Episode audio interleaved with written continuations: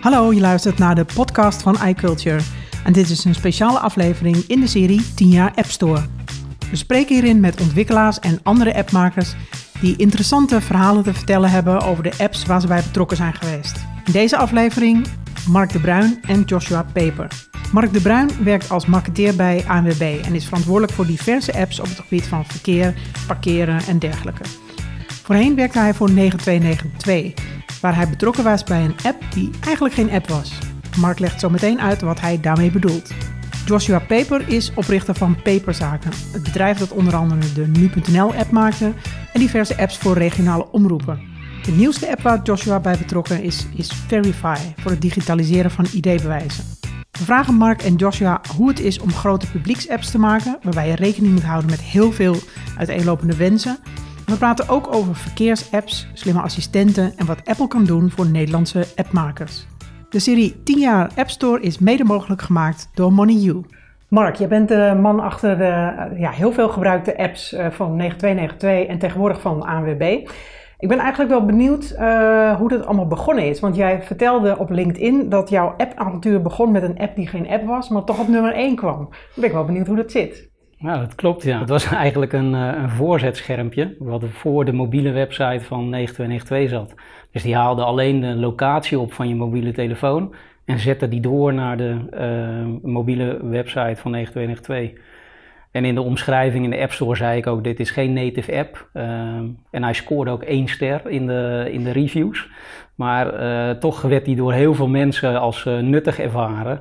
Uh, want hij voorzag wel in, een klein, in, de, in de behoefte om de dichtstbijzijnde bushalte te vinden. Alleen hij werd vergruist omdat het geen echte app was. 9292 was namelijk ook een app waarbij je heel veel informatie van externe vervoerders moest inlezen. Hoe lastig was het in het begin? Moest je mensen ervan overtuigen dat een app nuttig was? Uh, nou, we hadden het al uh, redelijk goed voor elkaar op internet. Dus uh, we hadden echt een druk bezochte website. Um, en het moeilijke altijd is, is van ja, waar is dan de bushalte en welke bushalte moet ik dan hebben? En het maakte mensen vaak niet uit welke um, busmaatschappij daar kwam. Um, dus juist die koppeling tussen de mobiele telefoon en de informatie die we al bezaten, was zeer interessant om daar een app van, van te maken. Joshua, jij bent uh, met paperzaken eigenlijk al sinds 2003 bezig. Ja, klopt. Um, maar toen was er nog lang geen App Store. Hoe? Nee, wij zijn uh, begonnen als een, als een webbedrijf. Uh, en in 2006, 2007 daar ergens zijn we een beetje overgestapt op de e-commerce markt. Um, maar ik kreeg in um, augustus 2008 kreeg ik voor het eerst zeg maar, die iPhone 3GS in mijn handen met die App Store. En toen hadden we zoiets van, ah, dit, dit kan nog best wel eens iets worden. Um, dus laten we hier eens iets voor in elkaar knutselen en kijken hoe, hoe, hoe dat allemaal werkt. Dus dat, toen zijn we echt overgestapt op, op, op apps bouwen. Ja, en hoe, in hoeverre heeft de App Store nou de richting, um, ja, hoe jouw bedrijf zich heeft ontwikkeld? Is dat ja, erg van invloed geweest? In het begin dachten wij van het is een beetje iets voor de, voor de bij, die apps. zoveel iPhones waren er natuurlijk niet en zoveel markt had, had Apple toen nog niet. Um, maar wij hebben toch wel, uh, denk ik, in februari 2009 of zo hadden, had ik, uh, ik en mijn compagnon uh, hadden toen het gewoon het roer omgegooid. Zo van, wacht eens even, dit wordt echt booming business. We, we dumpen die hele webmarkt wat we aan het doen zijn, dat, dat gooien we gewoon aan de kant. En we gaan gewoon volledig focussen op die, op die, op toen de tijd alleen nog Apple eigenlijk en, en, en de App Store. Wat was in de begindagen nou, wat waren de grootste uitdagingen om apps te maken voor jou? Um, nou, je moet je een beetje voorstellen, in het begin zeg maar, was het voor uh, uh, Apple heeft in de, in de, in de tijd uh, dat, dat hele platform ongeveer in een jaar de grond uitgestampt. De introductie van de iPhone was het van webapps, dat is het helemaal. Nou, en toen bleek een jaar later van oké, toch maar niet. En toen, toen heeft, heeft Apple eigenlijk in een jaar tijd die hele, hele iOS SDK uit de grond gestampt. En um, uh, dat, was er ook, dat kon je er ook echt aan zien. De, documentatie was half gaar. Uh, uh, dingen die er niet in stonden, dingen die niet klopten. ik weet niet hoe vaak wij wel niet met, met Cupertino en er weer mailden om even te vragen of dit misschien een bugje was in iOS of dat het echt aan ons lag. Um, dus ja, dat, dat, dat was het begintijd. dat, dat, dat, was echt zo. En dat was heel lastig. ook omdat nou, wij, wij, leven, wij leverden dan software aan, aan, aan, aan derden, bijvoorbeeld nu.nl. Uh, ja, en die vroeg ook aan ons van, hey, hoe kan dit? En zeiden wij ook van, ja, dat weten wij ook niet. Nou, en dan moet je, de, nou, met uh, alle tijdzones ertussen, moet je toch nog even af en toe even wat schakelen, ja. Hoe is de, heb jij dat ervaren, Mark? Liep nou, je echt veel problemen? Nou, ik had uh, niet zozeer een technische functie, maar meer uh, de marketingkant. En wat bij, bij staat is nog het goedkeuringsproces uh, van Apple. Hoe ondoorzichtig dat, dat was. En hoe lang dat wel niet uh, duurde. Dat ik echt in mijn uh, kalenders vier weken daarvoor nam. Van dan had je een app en dan, die moest je nog even testen. En dan vond je een klein dingetje. En dan uiteindelijk was die goed genoeg om hem in te dienen. En dan duurde het echt soms twee weken voordat die weer door de molen was bij Apple. Dan moest je echt mazzel hebben om, of die goedgekeurd was. En dat, je wist niet als die afgekeurd werd waarom dan. En tegenwoordig is dat natuurlijk totaal anders dan is het eh, een paar uur, eh, kan het soms eh, maar zijn. Maar ehm, in die tijd was, was het, het, het, inleveren en het afwachten of die goedgekeurd werd, staat me echt bij. Dat is spannend inderdaad, ja. En ook de reden dat het afgekeurd werd.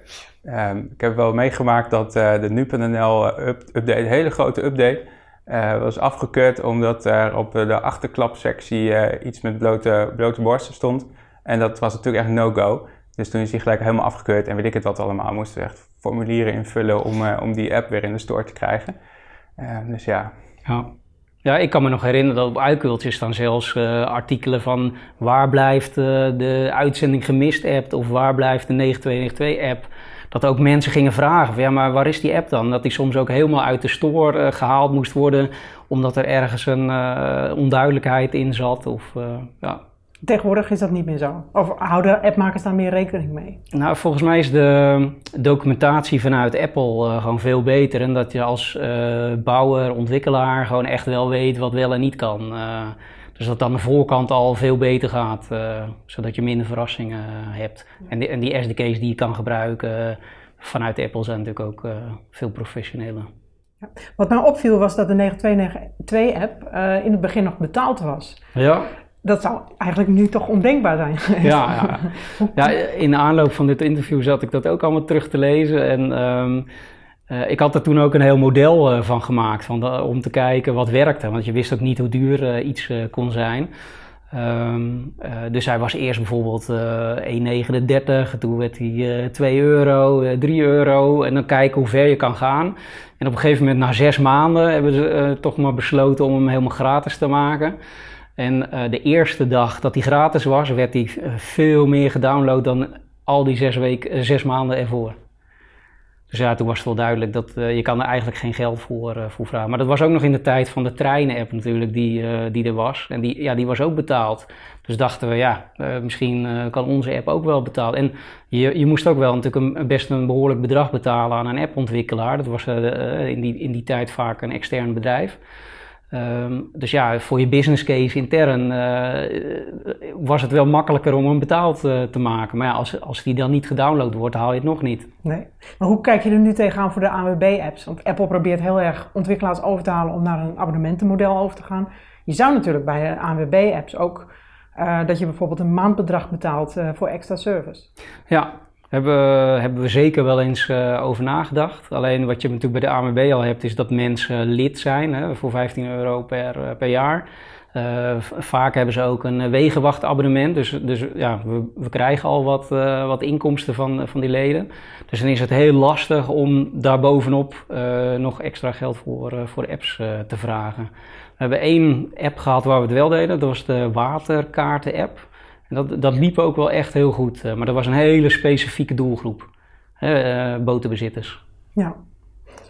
Uh, hadden jullie eigenlijk veel concurrentie van die trein-app of viel dat wel mee? Begin nou, die jongen, Dennis, die deed het echt heel goed. dat was natuurlijk een frontrunner destijds. NS had nog niet een hele goede app in die tijd. Ehm, en ik keek graag altijd naar de, naar de trein-app. Uh, die had uh, natuurlijk eh, een hele simpele interface had die gemaakt die heel veel mensen waardevol vonden. het enige wat altijd minder was, is hij was geen eigenaar van zijn eigen data. En dat geluk had ik bij 9292 wel. er zat gewoon eigen data in, dus het, het, het, werkte altijd. En als je soms een gave functie wilde bedenken die nog niet met de huidige dataset kon, ja, dan kon je die dataset laten aanpassen door je collega's. En dan eh, een paar weken later kon je wel een, eh, een nieuwe app eh, uitbrengen. Dus het eigenaarschap van data was wel echt belangrijk voor OV-apps. Nou, we hadden, in het begin waren er best wel veel OV- en treinapps, maar de afgelopen jaren heb ik niet zo heel erg veel meer gezien. Hoe verklaar je dat? Ik denk dat uh, de NS het echt uh, heel, meer dan goed doet. Uh, dat is echt een super uitgebreide app en daar zit ook heel OV in. Je ziet nog een paar niche-spelers. Ehm, het waren ook wel vaak hobbyprojecten voor mijn gevoel. Dat mensen die niet gelieerd waren aan een bedrijf, die dan, omdat ze op dat moment veel met het OV re reisden, ook een app gingen maken, omdat, omdat ze een bepaalde functionaliteit zochten die niet geleverd werd door een ander. Maar als iets succesvol is, dan wordt het toch vaak weer overgenomen door de gevestigde orde. Uh, dus ik denk dat in de NS-app, maar ook in de 9292-app van tegenwoordig gewoon zoveel handige dingen in zitten dat je bijna geen andere app meer uh, nodig hebt. Is er de afgelopen tijd wel een OV-app geweest waarvan jij hebt gedacht, die had ik wel zelf willen maken? Um, nee, Eigenlijk niet. Ik vind, eh, zelf ben ik gro groot fan van de, van de NS-app. Uh, vind ik echt een, uh, een goede app. Die gebruik ik ook veel. Ik vind het ook super handig dat je daar OV-kaartjes ook kan, kan kopen. Dus nee, die doen het echt heel goed in mijn beleving. Ja. En Joshua, ik keek in de App Store en ik zag dat jullie meer dan 100 apps op jullie naam hebben staan. Met peperzaken. Ja, klopt. um, is daar eentje van die er voor jou echt uitspringt? Of van je nou, dat is echt mijn mooiste project geweest? Um, we hebben toen het meest complexe project wat we ooit gemaakt hebben, uh, dat was de Albelly uh, fotoboeken app voor de iPad. Dat was echt, zeg, maak maar eens een fotoboek met al die interacties en al die kleine dingetjes, het draaien en het pinchen en al die conflicterende dingetjes uh, in, één, in één scherm. Ehm, dat was de meest complexe applicatie, denk ik. en by far de grootste, dat was wel altijd nu.nl. En uh, Sanoma was ook altijd wel heel chill in het uittesten van nieuwe, nieuwe, nieuwe dingen. Ze hebben ook best wel veel mee geëxperimenteerd en zo. En dat vond ik altijd wel heel leuk. Ik, vind ik vond altijd het allermooiste dat als je ergens een biertje aan het drinken was op een, op een ter, ter, ter, terrasje. Je kreeg dan een sms'je, let op, komt breaking news aan. Dat was in het geval van storing, dan wist ik dat alvast. En dan hoorde je in één keer over het hele terras zo blip, overal. En dan dacht je, ah ja, dat zijn wij. Dat vond ik altijd wel heel leuk. Jullie maken nu vooral uh, apps en toepassingen voor uh, zakelijke gebruikers, toch? Uh, ja, we zijn een beetje overgenomen door Bel, Bel Simple. daarvoor maken we nu de, de consumentenwinkel-app. En we doen ook binnen het bedrijf automatisering. Dus we doen ook bijvoorbeeld de winkels, als je naar binnen gaat, die, die hebben we van die pinapparaten met een iPhone aan de andere kant erin. Dat in de Apple Store eigenlijk. Ook exact dezelfde dingen.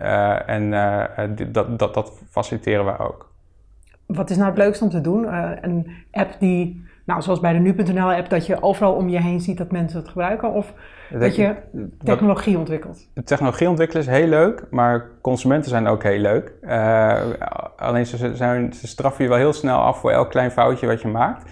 Uh, maar dat maakt het ook wel weer wat spannend. wat, je, wat je echt ziet is dat je bij consumenten veel meer tot het gaatje moet gaan om het goed te krijgen. Want één sterretje rating, die is er zomaar. Uh, en en uh, voor zakelijk is het eigenlijk niet, niet, zo spannend. Er zitten allemaal lagen tussen. En, en uh, voor, voordat de feedback een keer bij ons is of wat dan ook, dat, dat, dat, dat is minder interessant. Consum, consumenten zijn, zijn leuker om mee bezig te zijn.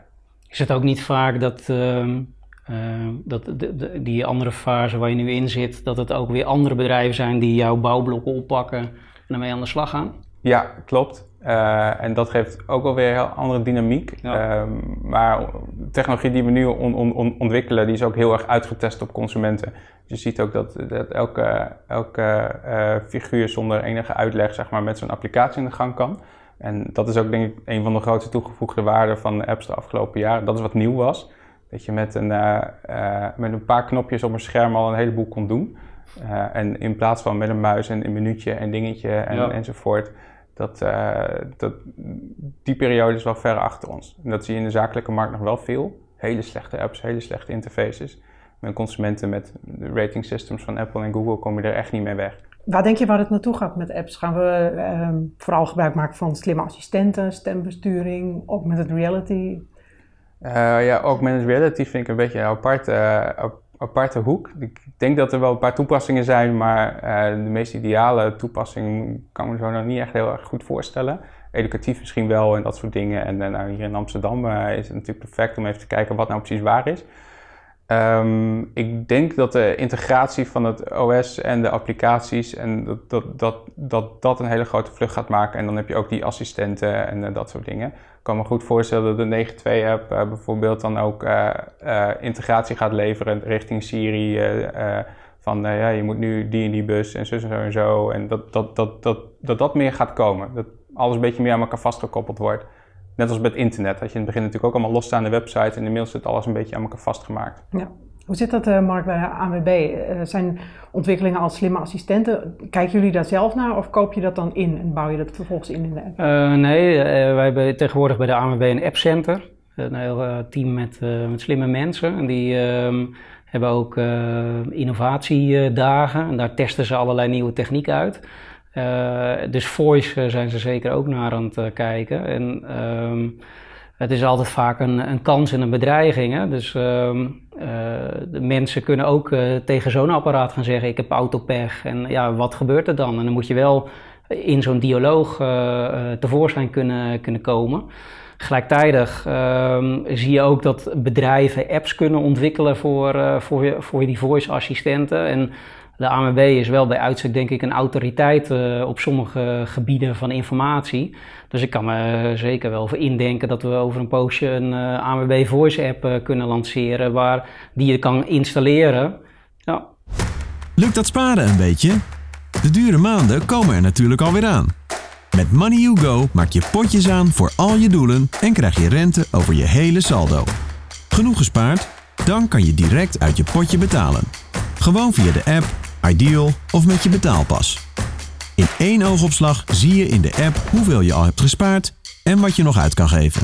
Zo heb je altijd overzicht. Download Money You Go en open nu een gratis rekening.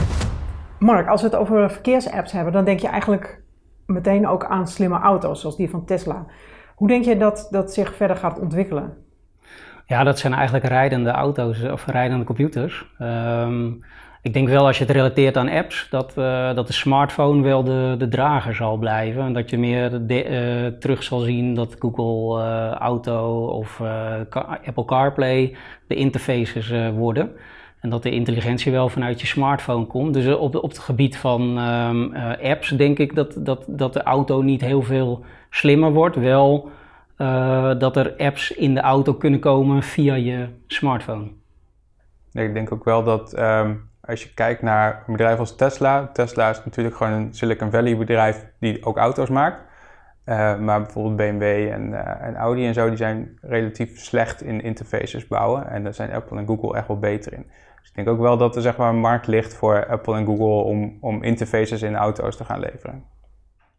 Ja, en ik denk ook nog wel dat er vanuit de auto nog wel wat datastromen zouden kunnen komen, die dan gebruikt kunnen worden in apps dus dat wat de AMB bijvoorbeeld doet met eh, AMB Connected en andere bedrijven ook. Dus we gebruiken nu nog veelal een OBD-stekker.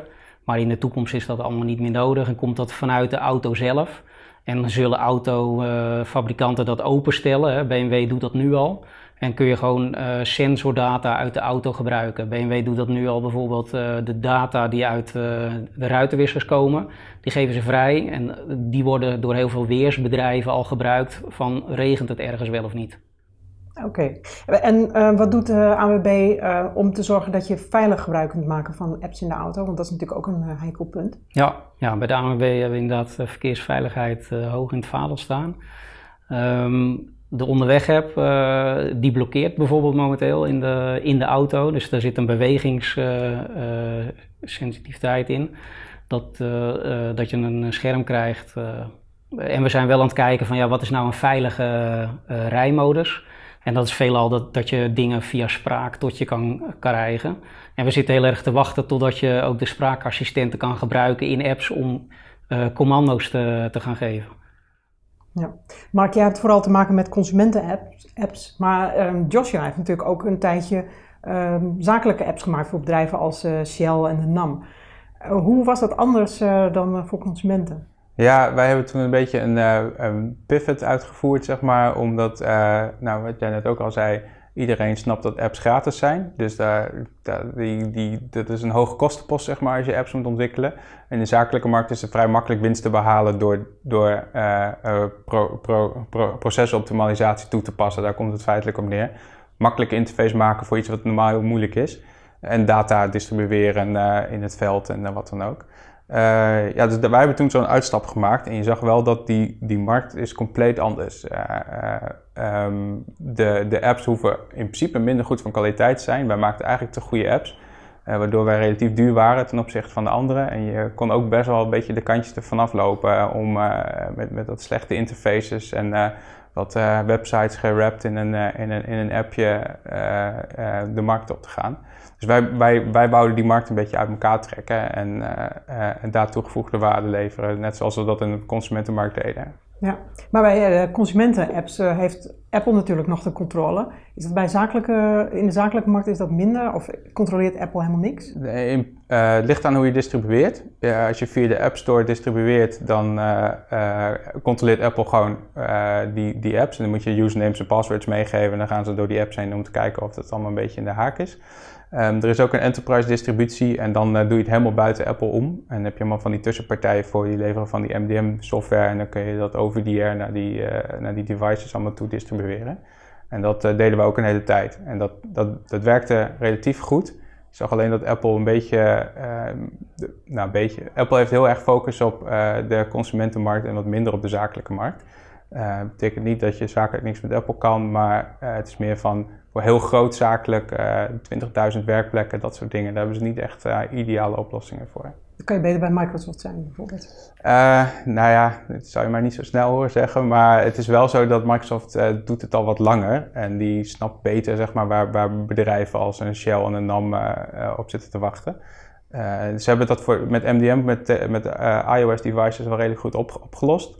Um, maar ook dat levert Apple eigenlijk niet zelf. Dat zijn derde partijen die die oplossing hebben ontwikkeld en uh, uh, dat in de markt zetten. En dat werkt dan zeg maar met iOS-devices. Ja, je ziet bij de vernieuwde App Store ook wel dat dat heel erg gericht op consument is. Hè? Om te zien, ja. uh, nieuwe apps te ontdekken en ja, interviews met makers. Ja, de App Store is natuurlijk ook heel slecht. Dat is echt de, de, de versie van iOS 9, zeg maar. Dat, nou, dat was echt niet, niet, niet goed meer.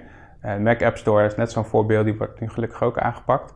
Um, maar uh, wat, er zaten ook heel veel haperingen in. We hebben wel eens gehad dat, we, dat het twee weken duurde voordat iedereen daadwerkelijk een software-update kreeg.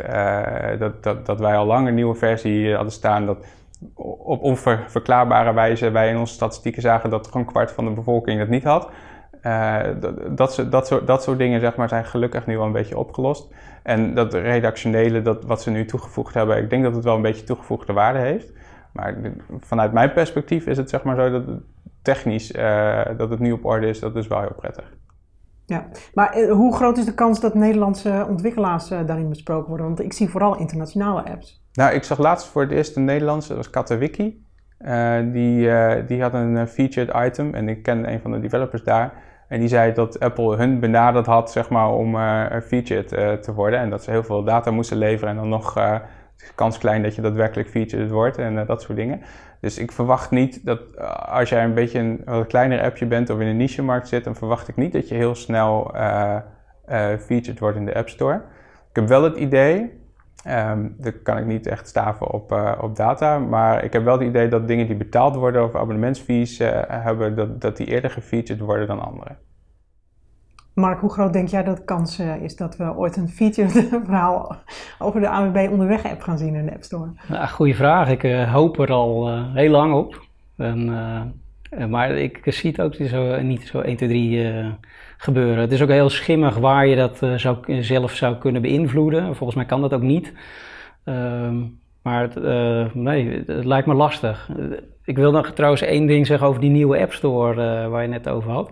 Wat mij ook nog wel stoort eigenlijk is die reviews. je ziet heel veel bij apps dat je hele oude reviews ziet. Vroeger zag je altijd de meest recente reviews. En nu zie je heel vaak voorbij komen dat er uh, een oude review uh, is, terwijl er al lang nieuwere zijn. En dat vaak die oudste dan eerst getoond wordt in plaats van de meest recente. Ik heb het idee dat ze het, je hebt zo'n knopje vind ik nuttig. Ik denk dat, dat hoe meer mensen het daarop drukken, hoe hoger die komt. Maar oudere reviews hebben natuurlijk meer tijd gehad om mensen op de knopje te laten drukken. Dus daar zou iets van een algoritme in moeten komen om iets wat uit te balanceren. Ja. Of alleen maar reviews laten zien van de laatste twee versies of zo. En niet, niet van uit Vijf jaar geleden. Vijf jaar geleden, ja. ja. Dus dat is nog iets wat Apple zou kunnen verbeteren ja. aan de App Store. Ja. Ik weet niet of iemand meekijkt, maar... Uh, Hopelijk wel. Doe maar zoals Google, dan kunnen we een knopje drukken. En dan zijn ze allemaal weg. We hopen dat je dit interview in de serie 10 jaar App Store interessant vond. En als het zo is, dan zouden we het erg fijn vinden als je een mooie waardering achterlaat in iTunes of in de podcast-app. Je kunt ons trouwens ook beluisteren in Spotify. En als je niets wilt missen, kun je je abonneren op de iCulture Podcast in je favoriete app. Graag tot de volgende podcast.